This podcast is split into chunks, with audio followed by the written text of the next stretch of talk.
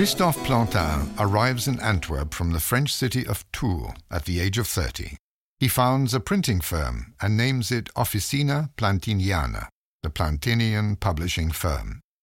Plantin is the forefather of the nine generations who live and work on these premises. Plantin is married to Jeanne Rivière. They have six daughters and one son. Daughters Marguerite, Martine, Catherine, Madeleine, and Henriette survive to adulthood. The Plantin Rivière family puts the company before everything. The daughters are properly schooled so that they can help out with proofreading or in the linen and lace trade also run by Plantin.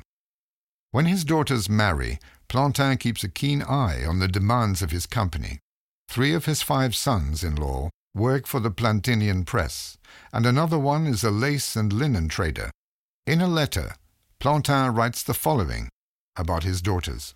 Above all, I have taught my daughters to fear, honor, and love God, His Majesty the King, and all our magistrates. I have also taught them to assist their mother with the household tasks. I arranged for the four oldest, according to their age and place in the family, to learn how to read and write properly so that between the ages of four or five and twelve they were able to assist with proofreading in any language or any alphabet. In their idle time, and depending on the amount of free time available, I organized sewing lessons for them, so that they were capable of making shirts as well as collars and handkerchiefs or other merchandise for the linen trade.